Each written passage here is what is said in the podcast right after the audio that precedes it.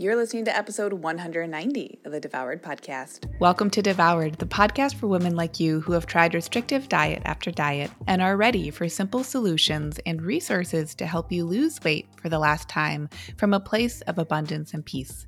If you're looking to end the yo yo of comfort eating and rigid weight loss protocols and instead step into living your life on your terms while losing weight in the process, you're in the right place. Party people! Up episode 190? Like what? How did we do this? Thanks for being here. I'm so excited to um keep growing this podcast. I did like a special series of episodes. I actually talked about my own story at episode 100, and then I did another part of that uh, because I've noticed over time I don't tend to talk about myself a ton. Um, and I think, you know, sometimes it's nice for people to know who the hell is talking to them. so while I don't think I'm going to do that at episode 200, I've been thinking about whether we should do something special for episode 200. So I'll keep you posted. And the podcast will keep you posted too. You will see the subject of episode 200 in just 10 episodes from now. So, welcome to the show. Today we're talking about imperfect implementation. Because guess what? So much of diet culture makes us believe we live in a world where if only we could perform and execute our daily tasks more perfectly, then we'd be living the good life.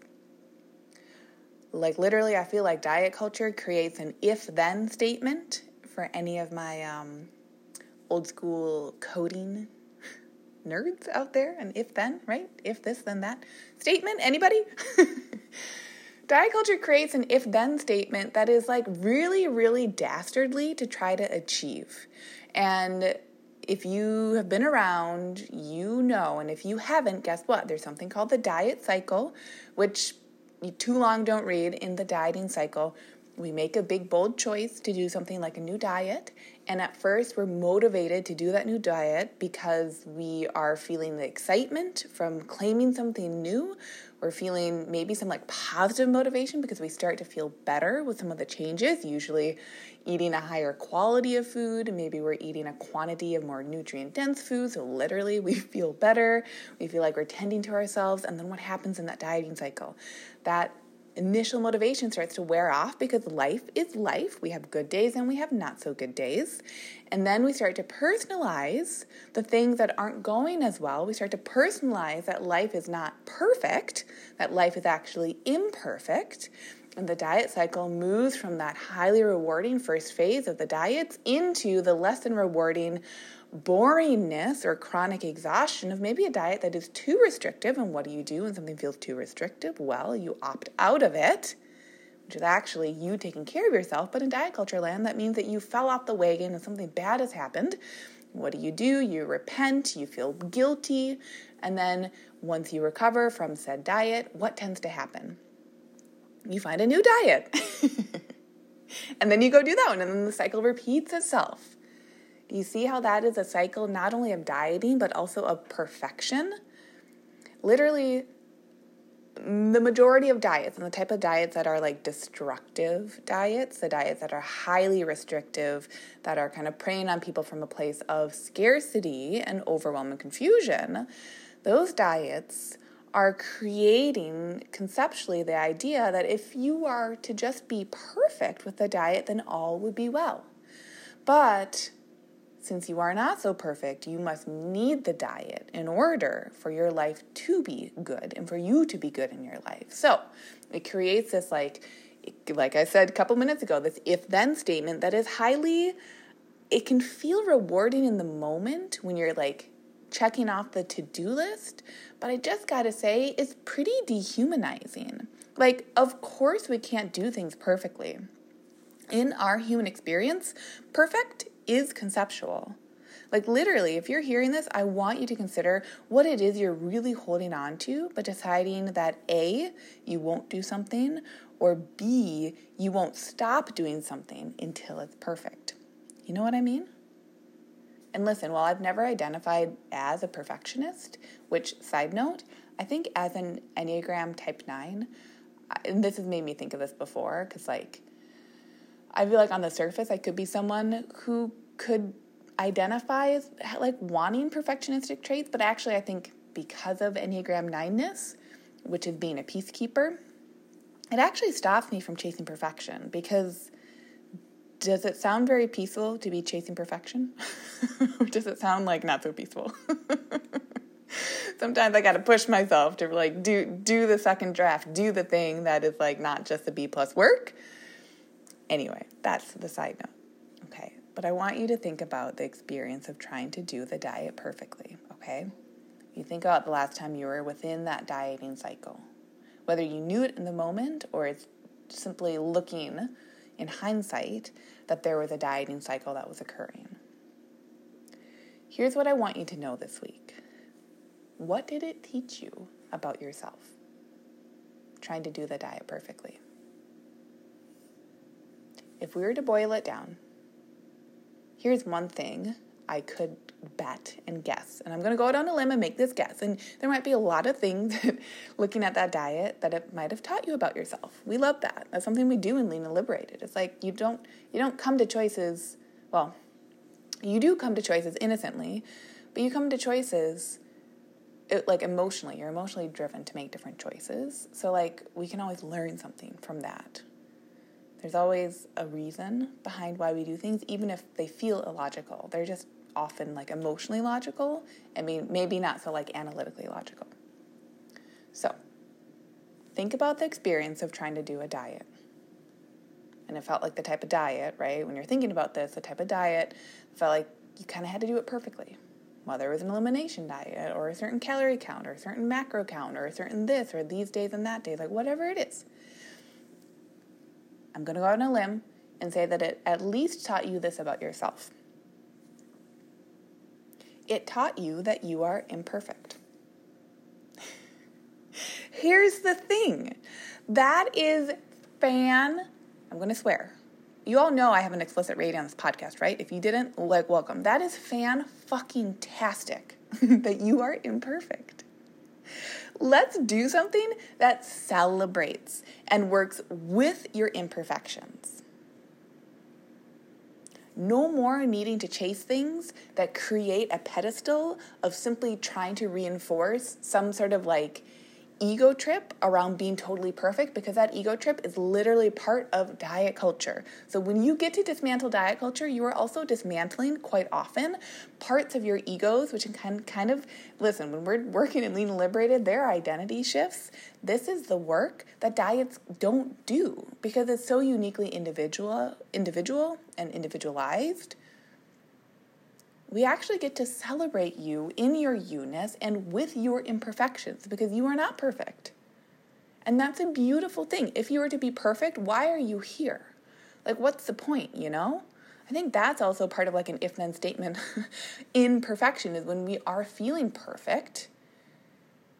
All right, if we're actually feeling perfect, that's mostly about other people and their perceptions of us. Oh, if I am perfect in this person's eyes, then dot, dot, dot. If I feel perfect based on these ideas, which other people have set, then dot, dot, dot. We're not really going to self generate perfection. Perfection is from the outside, and we internalize it because we're trying to be good in diet culture, because we're trying to stay safe in diet culture. Okay? So, first off, we're going to celebrate you and your imperfections because those are hella rad. They're really cool. They literally are part of you. It's so awesome. And that brings me to imperfect implementation, which is the real way to lose weight and keep it off. Why? Because if you find out how you feel when you imperfectly implement something, baby oh baby, you have the keys to the universe. There's no longer the emotional drive to use implementation against yourself, which in this case would be a diet, right? How many times have you done a diet and then you start to use a diet against yourself? And you also no longer have to use imperfection against yourself either, because how many times have you done a diet and then you start to notice you get a little wobbly with it because it's hella restrictive? And so then you start to use those imperfections against yourself as well. If I can't be perfect, then I won't do anything at all, right? I know a lot of you. I have people who I have people who ask me about coaching and lean liberated and they're like, "Hey, I'm kind of a rebel. Is this for me?" And I'm like, literally, I am a rebel, so it's coming from my rebel brain. I coach you because I fucking understand. I feel very fired up. I understand. And when someone's telling you to do something, the last thing you want to do is the thing. That's part of coaching. That's part of understanding. That's like, it doesn't make things more confusing when someone rebels against what they're being told to do. In to me, in my coaching eyes, it offers a lot of information that we then use to support you. So your rebellion on the surface can seem like, whoop, it's confusing. Why do I rebel? More times than not, rebellion, when I'm seeing it, is a really useful key and piece of your imperfect human puzzle. So we support you in your rebellion. What? So crazy. There's no longer the emotional drive to use that implementation against yourself, right? There's also no longer the emotional drive to use imperfection against yourself. And it becomes so delicious, you take the pressure off of yourself to lose weight. You slow down the ego driven drive to lose X amount of pounds in X amount of time. You slow down and lose the nitpicking of the food choices. Keep them really simple. That's all they need to be. You slow down the hyper management of those food choices. You just make your plan and then you follow through on the plan.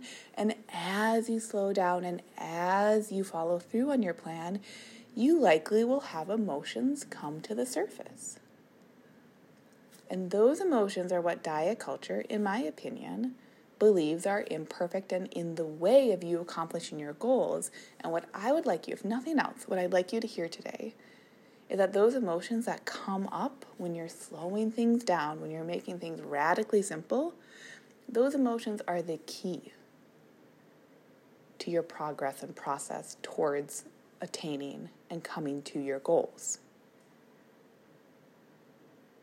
This time, we just allow them to be without judgment. You're allowed to have bad days, and they can be bad, okay? You're allowed to have amazing days, and they can be amazing, okay? That is the point of feeling your feelings. That is the point of moving through and with emotional eating, not for the sake of getting rid of it for putting like, oh, okay, 2022 is the year that I put my emotional eating in the garbage. I'm done with it. Done. No. Emotional eating is a beautiful part of you. It was a strength for you at some point or maybe multiple points in time. We don't have to judge it. It just gets to be. And the more that it's allowed to be, the more we allow diet culture just to be, the more we allow other people's judgments, other people's feelings, our feelings, our judgments just to be, the more radically simple and the more we can allow imperfect implementation to take care of us and to be a beautiful thing instead of something to fix. So I hope this episode has found you well today in whatever kind of a day you are having. It is whole, so are you. That is the end of our episode take this and run with it. And I will see you on next week's episode. Bye. Did you know you can find more support from me on my website? Go to Lucia Hawley, L U C I A H A W L E Y dot com to connect.